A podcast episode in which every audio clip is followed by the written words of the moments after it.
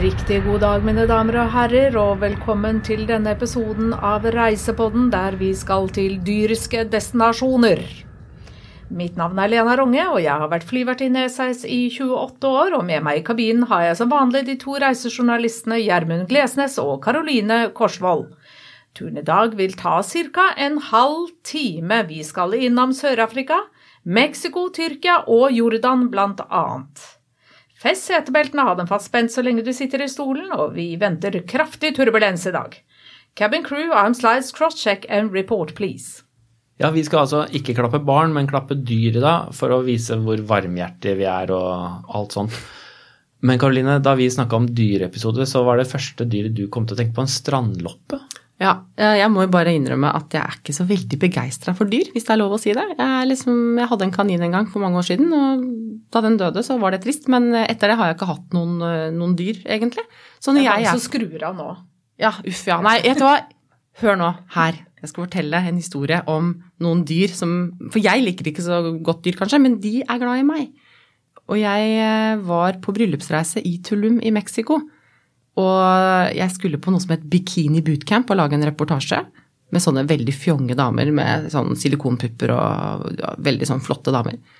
Natta før så ble jeg altså Det var sånn attakk, strandloppeattakk inni bungalowen.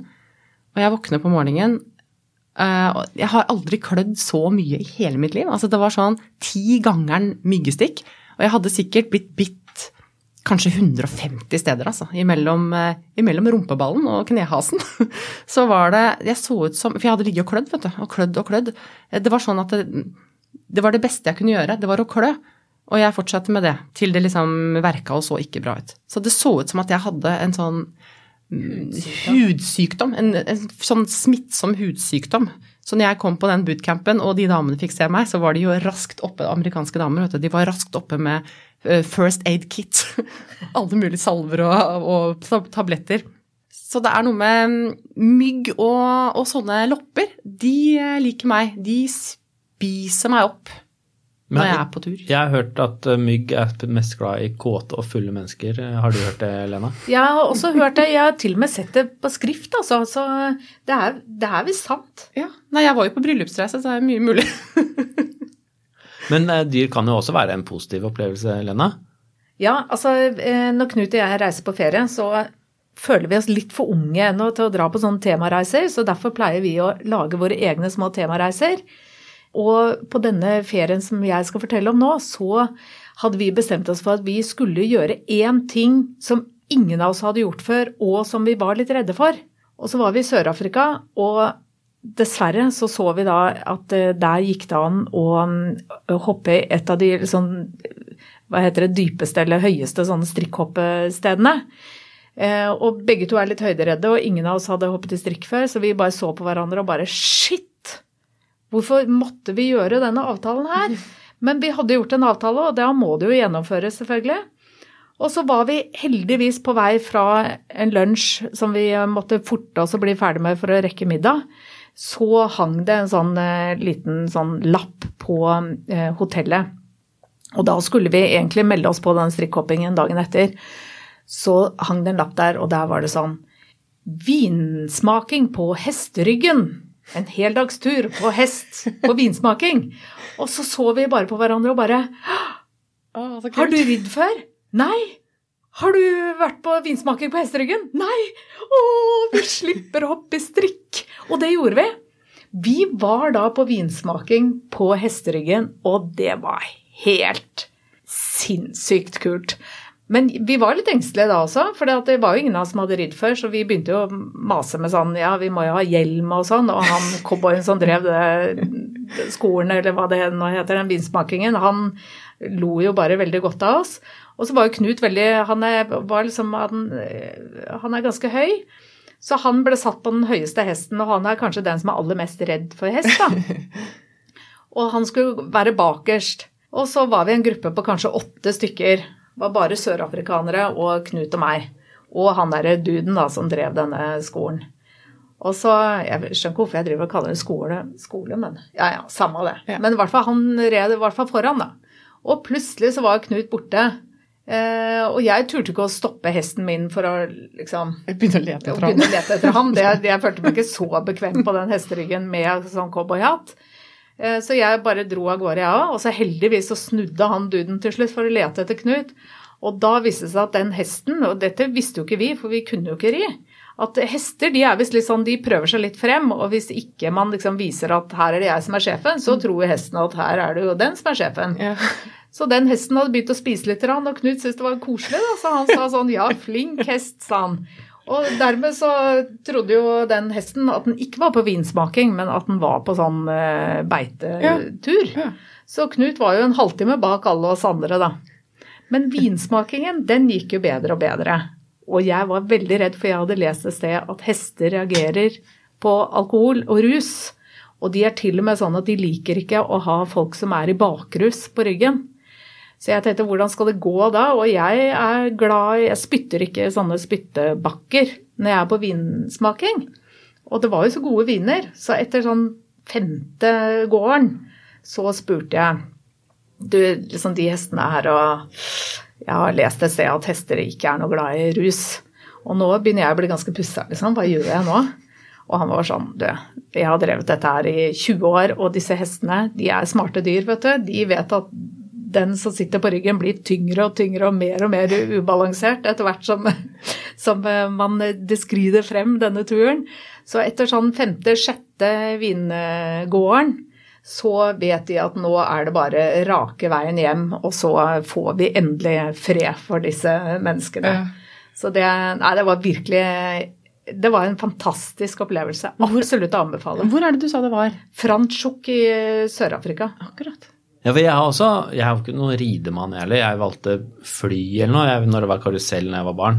Så jeg hadde ikke sittet på en hest før jeg var gammel mann og var i Peru. Og tenkte at ja, vi må jo vi må finne på noe før, uh, før høydesjuken tar oss. Vi må være her og gjøre noe. Det er kjempekjedelig å sitte stille. Og så kan vi ikke gå til Machu Picchu, og inka-greiene før vi har akklimatisert oss litt. Og da var det min daværende som fikk meg opp på hesteryggen på en guida endagstur. Jeg tenkte fy faen, jeg klarer jo ikke å ri. Men det er faktisk veldig enkelt. For Ja. hesten den står på fire bein nesten uansett hva du gjør eh, der. Det som var litt skummelt, var at den hesten hadde veldig lyst til å gå forbi på noen trange stier. Fordi noen hester liker å være foran, og andre liker å være bak. Litt sånn som i klasserommet, at noen liker å sitte foran og rekke opp handa, mens andre lik- liker å sitte bak og vippe på stolen. Ja. Og sånn er hester òg, men min hest var da, siden jeg var en elendig rytter, plassert bakerst. Men den likte å være foran og gi eple til rektor, ja. læreren. Ja. Og det er ikke så veldig kult. Men det gikk, det gikk veldig greit. Men så leste jeg etterpå en reportasje. Det var en hest som hadde ramla ned. da. Det var i Georgia. Så, for jeg tenkte at ja, hester De ramler ikke. de ramler Nei, ikke. De har øyne, de òg. Men de, ja, de har det, men de er dumme. ja, men hester er som, som folk flest, holdt jeg på å si. De kan jo, de kan jo falle. De kan, De kan jo ha en dårlig dag Ja. ikke sant, på jobb. Men uh, å ri, ri sightseeing utafor Kusko, det er anbefalt. Men det var på en annen rideferie. Det var en tredagerstur. Da ble jeg jo en skikkelig cowboy. Sånn at jeg nesten kjøpte hatt etterpå. I Kappadokia i Tyrkia. Vi kjøpte hatt. Ja, jeg gjorde ikke det, altså. Men det var fordi vi skulle på stranda etterpå, og da var det hatt var litt topplig. Det har vært fint i Kloptidokia, som jeg liker å kalle det. Det navnet Kappadokia, som er midt inne i Tyrkia. Så du har sikkert sett det på turistreklamene. Det er de der såkalte alveskorsteinene, som er lagd av en hard stein på toppen, og så regner det ned, og så står den som en liten paraply over resten av det myke fjellet under. Det er ikke det, vi er ikke i Pam, Pamukkale? Nei, Nei, Pamukkale. nei, vi er ikke i Pamukkale, vi er øst derfra, midt inne i landet. Ja vel. Det er snø på vinteren. Og, okay. Men utrolig fint sted, masse grottekirker som er helt fantastisk eh, utsmykka. Og et helt surrealistisk landskap. Det ser ut som en slags fluesopp uten hatten, eller noe sånt. Noen lange, høye staur som står opp. ene dalen heter Love Valley fordi det ser ut som peniser. Det er noe for deg. For meg, ja. Eh, og så er det en annen, det er veldig morsomt, fordi de har jo da engelske navn, de stedene her. Monks Valley, for eksempel. Fant jeg ut eh, På tyrkisk heter den Pashabag, og det betyr Pashaens druer. Så Pashaens druer har blitt Munkedalen. Men der er det, har det bodd munker da inni det har hula ut de små søylene av fjell. Og så har de bodd inni der med vindu ut og inngang på andre sida. Det er jo kjempesmart. Men i hvert fall der rei vi i tre dager med et firma som heter Kirkit Voyage. Og, altså Kjempebillig. All mat, eh, overnatting, hest, guide. Kosta 4000 kroner kanskje for tre dager. Og det er jo Ja, det relativt er billig. billig. Så, så hest er en veldig det Jeg vil anbefale hest hvis man har lyst til å være sammen med dyr. Men hva er det som er gærent med kamel? Kamel er veldig mye gærent med kamel. kamel. Jeg er helt enig i det, fordi eh, jeg er ikke noe særlig glad i hest. Og, men jeg syns jo det er gøy å ha bilder av dyr, selv om jeg ikke er så glad i dem. og så var jeg på en tur i Akaba i eh, Jordan, og der var det jo en, eh, opptil flere kameler. Og så ville jeg ha bilde av den ene, og så gikk jeg bort til denne kamelføreren, eller hva det kalles, og spurte om jeg, hvis han fikk noen penger av meg, om jeg kunne få ta et bilde av kamelen hans, og det var jo greit. Og så sa han, men er det ikke mye kulere at, å ha et bilde av deg på, liksom med kamelen? Så kan mannen din ta bilde. Så tenkte jeg jo, jo, men det er jo kanskje enda kulere. Og nå har jeg jo betalt, så ikke sant, da er jo det i orden. Og så sier han, du kan jo bare sette deg på salen. Så sier han nei, men jeg vil ikke, jeg vil ikke opp. Nei, nei, men det skulle jeg ikke. Og så setter jeg meg da oppe i den salen, og så begynner det kreket av et dyr å bevege seg. Og det, det, jo, det har jo så mange ledd, det er jo så lange bein, at det, det er jo ikke som at det er ingenting som reiser seg opp sånn. Det er jo ikke bekvemt. Du bare blir jo kasta først framover. For de skal så sitter de på, holdt på å si, forbeina, og så vipper de seg bakover. Og det tok jo en evighet, og så var, satt jeg da plutselig på toppen av den der, eh, satt jeg på kamelen, og den hadde jo reist seg. Og da følte jeg meg så dust, fordi at eh, da, rett rundt hjørnet, så kommer det selvfølgelig da et sånt følge med japanske turister, tror jeg, som da plutselig liksom får se blond dame på toppen av en kamel med noen sånne flotte liksom, ruiner i bakgrunnen. Altså, det er jo Kodak moment, det selvfølgelig. Så det ble jo bare helt sånn vill sånn derre klikk, klikk, alle skulle ha bilde av meg. Og mannen min holdt jo på å le seg i hjel. Fordi han så jo hvordan jeg Jeg skamma meg jo der jeg satt. Det var den verste turistfella jeg har gått i. Og når jeg endelig liksom da blir liksom knekt ned igjen, liksom, og går av, så er jeg jo liksom Du vet når du har smilt sånn at du har vondt i kinnbeina, sånn falskt, vet du.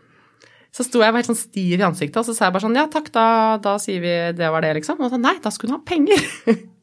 og da, det, da holdt det ikke med de eh, pengene jeg hadde gitt til han, for da skulle han ha penger. For jeg hadde tross alt sittet på kamelen, og kamelen hadde reist seg, og jeg hadde på en måte fått full det, liksom. Ja, jeg hadde fått full pakke, liksom. Så jeg måtte jammen betale for det i tillegg. Men jeg tenkte jo, du kan jo, tror jeg, i teorien Jo, det kan du. Ri, rideferie på kamel. Og jeg også har gjort sånn som deg, da. Ja. Bortsett fra at jeg måtte ikke betale, tror jeg. Det var i Mali, på Ja. en festival. Og så ble jeg invitert til å prøve en kamel, og så rei jeg 50 meter bort.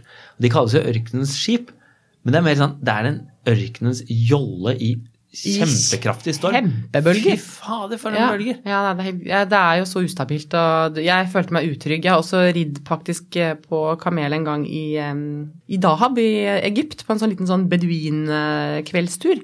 Og da var jo hele poenget at vi skulle da opp til en sånn matplass oppi i ørkenen. Eh, Og da skulle man da ri på kamel, og det var jo så ubehagelig at jeg liksom Det er synd å si det, men skulle jo heller ha kjørt jeep, liksom. Men på film så ser det jo utrolig deilig ut. Da Ja, men- ser det ut som litt sånn sakte, Ja, litt litt sånn sånn bølgende. sanddynebølgete. Ja, Ja, men det er, Det er det er sjøsyke altså. på fire bein. ja, ja, det er det det er. Men eh, jeg har også vært på en rideferie med et esel.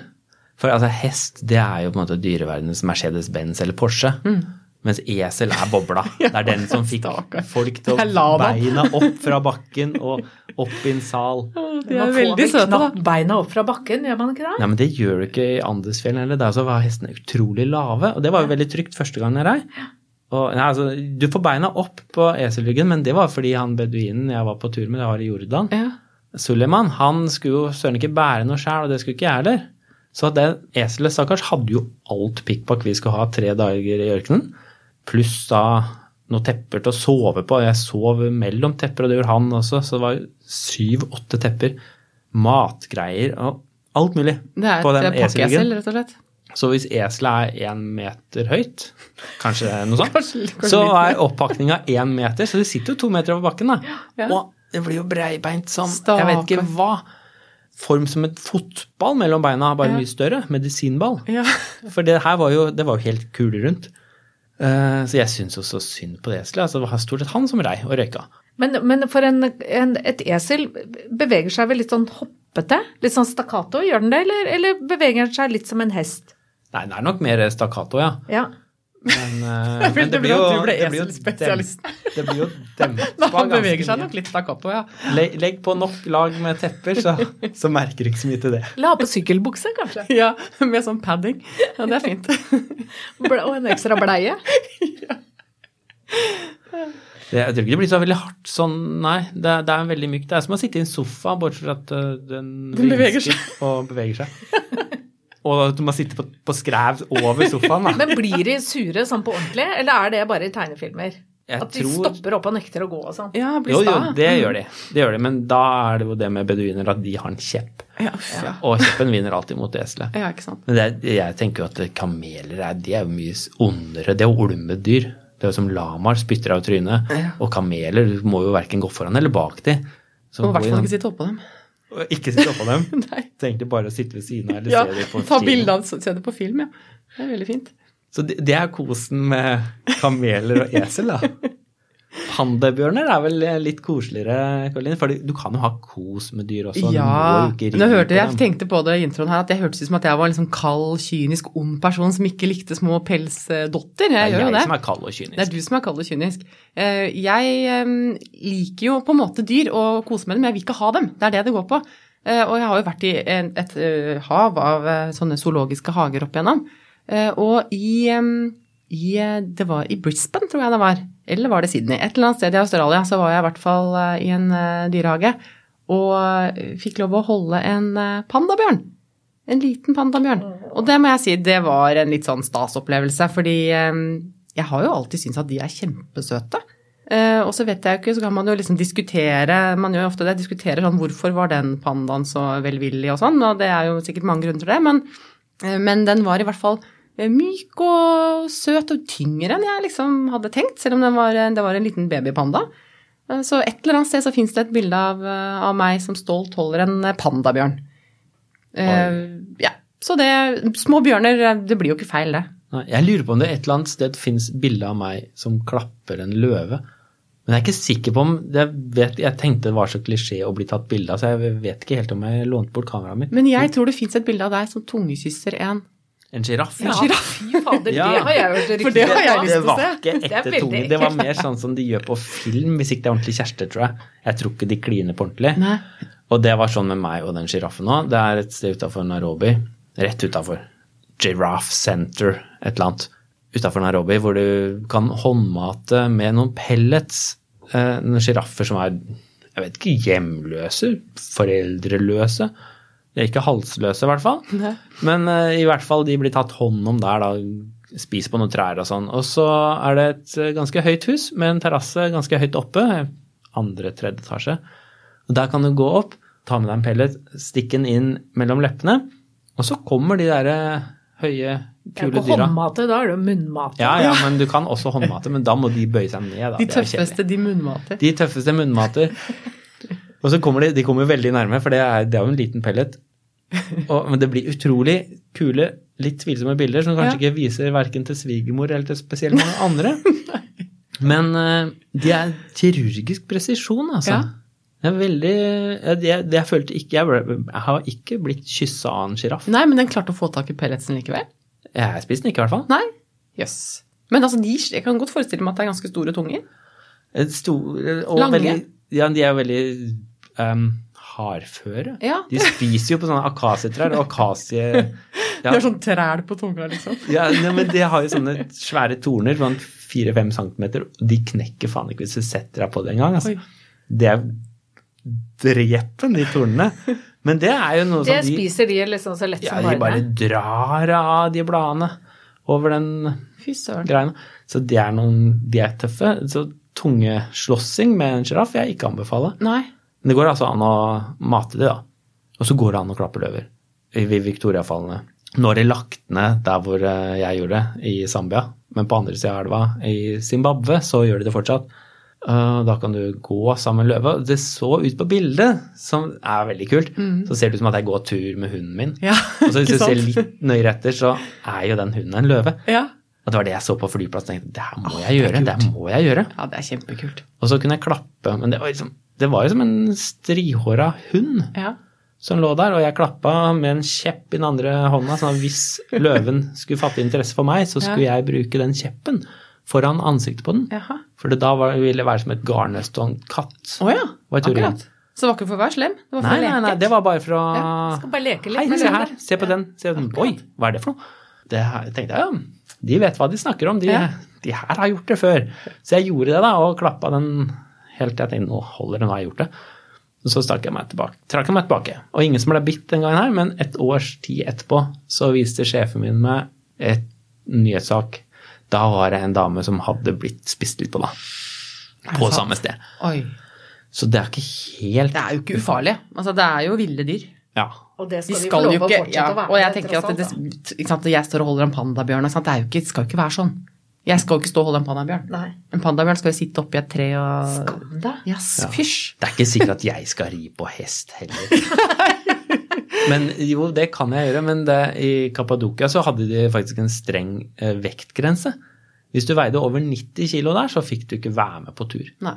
Det syns jeg var ganske kult gjort. Selv om Ja, altså, men det, for det er jo faktisk 90 dyras beste som eh, kommer først, da. Ja. Selvfølgelig.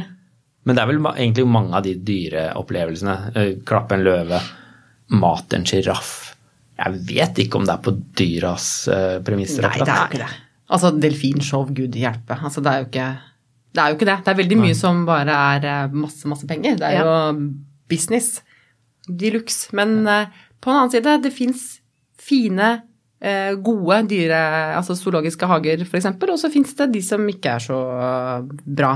Eh, Så det her har jo liksom det her er jo forskjellig fra, fra jeg håper å si, zoologisk hage eller safari eller det, det, ender, det er jo forskjellige kval, kvalitet, kvalitet på det, og folk har jo eh, Enkelte steder så er det jo dyras beste som faktisk er det viktigste. Andre Absolutt. steder er det ikke det. Så, men gjør litt research på det. Mm. Mm. Så har du Jeg har i hvert fall hatt utrolig fine ferieopplevelser med dyr. Det har jeg også. Hvis man drar på safari i Krügerparken f.eks., og disse, eh, disse stifinnerne og, eller dyresporefinnerne, de, de har jo en sånn enorm respekt for både naturen og, og, og symbiosen som skjer i naturen. Så, så jeg, jeg må si det er bare å ta av seg hatten, altså, for, for eh, et utrolig sånn bevisst forhold til hvilken rolle vi spiller i naturen, vi mennesker spiller i naturen i forhold til dyrene.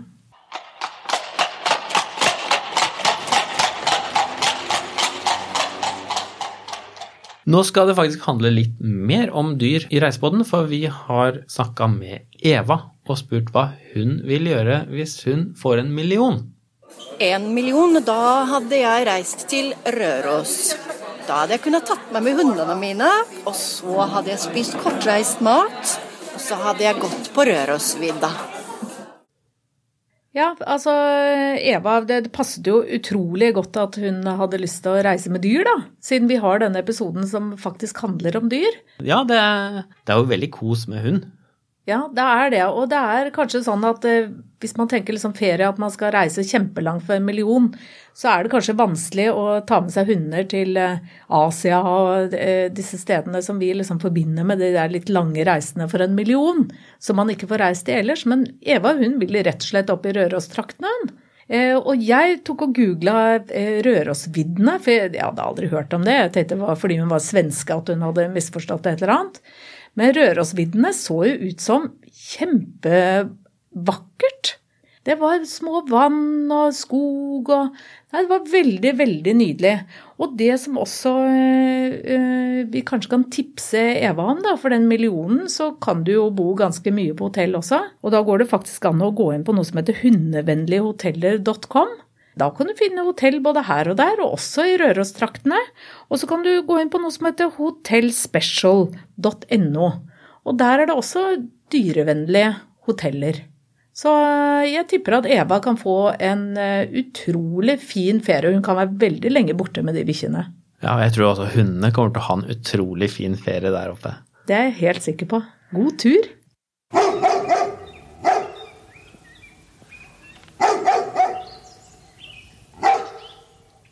Vi må ha en nedtur, eh, Lena. Og denne nedturen her har jeg gledet meg sånn til helt siden jeg leste om den i avisa for noen dager siden nå. Ja, altså det var jo en artikkel eh, på din side om slik unngår du veggedyr på hotell. Og veggdyr på hotell, altså jeg skjønner at det er en veldig stor nedtur. Men det er jo nesten at de tipsene som kommer der, er en vel så stor nedtur, eller? Det- Altså, Hvis det ikke blir laget en skikkelig bra sketsj av dette her av noen av våre store norske komikere, så skjønner ikke jeg noen ting. For maken til hotellgjest som denne mannen skal du lete lenge etter. Ja, altså De har da snakka med er to personer, da. Tore Iljard, som driver spesialsøkfirma Dogpoint, og Erik Thomas Gjølme, produktsjef for skadedyr hos Antisimex. Det er altså to eksperter på skadedyr, og jeg husker ikke hvem av de som var den mest, den mest ekstreme her, men det er litt som de som er helt ekstreme på rengjøring, og spør de om tips til hvordan du skal holde det rent hjemme, altså. For her, han eh, ene, han, han ringer hotellet når han, Han har booka. ringer alltid hotellet når han eh, skal booke og spør hvilket forhold de har, eller hva de pleier å gjøre med veggdyrproblematikk. Og så mener han til og med at hvis de da sier at nei, den slags problemer har vi ikke på dette hotellet, ja da må man straks bytte hotell, for da mener han at det er noe muffens. Sånn at eh, det må være at de sier at ja, det har vi hatt et problem med, men da fikk vi sånn skadedyrkontrollen hit, og de har fått eh, bukt med dette problemet. Da kan han stole på dem. Det Det, er liksom step én. Det er step én, ja. For det er jo også ganske tungvint når, man er, når han kommer til hotellet. Så er det jo ikke sånn at åh, hotellet er fint, å nå skal jeg bare få vekk ting. Kanskje ta en dusj hvis det har vært en lang flyreise. Og så skal jeg ut og spise eller oppleve noe. Da må man jo kontrollere hotellet. Ja, man må det. Og man kan Jeg liker jo å pakke ut også, jeg, av å henge opp ting og i garderobeskap og sånn. Nei, nei, nei, nei. nei. Det skal man heller ikke gjøre, for hvor skal man egentlig putte bagasjen, eh, Gjermund? Nei, den skal jo helst putte i badekaret eller dusjen. Og du må for guds skyld aldri legge den på senga. Det står jo her, og nå leser jeg det litt som fanden leser Bibelen, altså, men du bør ikke bruke senga. «Øh, nei vel, skal jeg sove? hvor skal jeg sove da? Ja, nei, den må sjekkes, den må gjennomsjekkes, og det er ikke bare på madrassen man må sjekke, for man må under senga, og man må ha med en liten lommelykt selvfølgelig, og så må man lyse opp og sjekke eh, rundt um, sengebeina og madrassen på undersiden, og altså overalt Ja. må du sjekke denne senga. Og det viktige også er jo da når man kommer hjem fra ferien, så bør man da pakke alle klærne man har brukt på ferien i tette poser, og så legge posen inn i vaskemaskina, og så sprette opp posen, sånn at det, ikke kommer noe veggdyr inn. Og jeg tenker, det er, det er vel kanskje en fyr som ikke reiser så mye, det her. Ja, og så ikke bare det, men han, eh, det sa han riktignok var litt hassle. Eh, At du måtte bare pakke klær som tålte 60 grader. Sånn at man fikk eh, disse uhumskhetene ut av huset hvis man hadde vært så uheldig å få dem med seg hjem. Jeg tenker at det kan tenkes at denne mannen er en sånn type som får mye veggdyr med seg hjem. Altså, jeg vet ikke.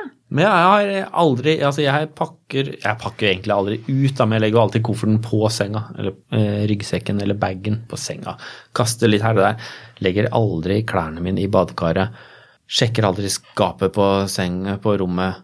Strør om meg med ting på teppet på gulvet. Jeg gjør jo alt som er feil, ifølge den mannen her. Men jeg jeg har aldri hatt veggdyr. Nei. Og kanskje vi, kanskje vi ikke skal si dette høyt, for eh, kanskje vi nå da etter sommeren, når vi er tilbake i reisepodden, rett og slett bare har huset fullt av veggdyr. Ja, det er, er klart, eh, men det er jo litt som med vaksine og sånn, at hvis alle andre vaksinerer seg, så er det ikke så viktig at du gjør det sjøl, så har man et slags ansvar overfor fellesskapet, da. Men hvis alle dere som hører på, nå følger rådene, eh, det er bare Det finner dere på Google, altså. Det er din side som har den saken her.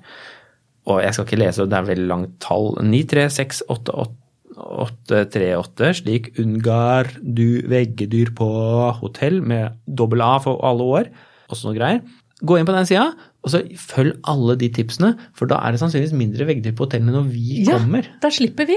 Det er jo helt genialt. Helt genialt. Så følg rådene. Det er veldig viktig å lese alle de tipsene her. Veldig, veldig viktig. Ferien kommer riktignok til å bli en nedtur, for du får ikke gjort spesielt mye annet enn å sjekke hotellet.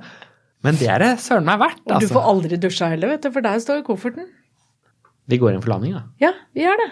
Og da vil vi veldig gjerne at eh, du skal påse at eh, beltet er skikkelig festet, ta bordet ditt og sjekk at all håndbagasje ligger godt under stolen foran deg. Og lurer du på noe om reiser generelt, eller om denne reisen spesielt, så ikke nøl med å ta kontakt med oss på Facebook-siden vår Reisepodden, eller gå inn og les på vår side reisepodden.no. Der vil vi også legge ut informasjon om dagens reiser. Da vil vi gjerne takke for at du valgte å fly med oss, og vi ønsker deg på snarlig gjenhør. Cabin crew, design slides, cross-check and report please.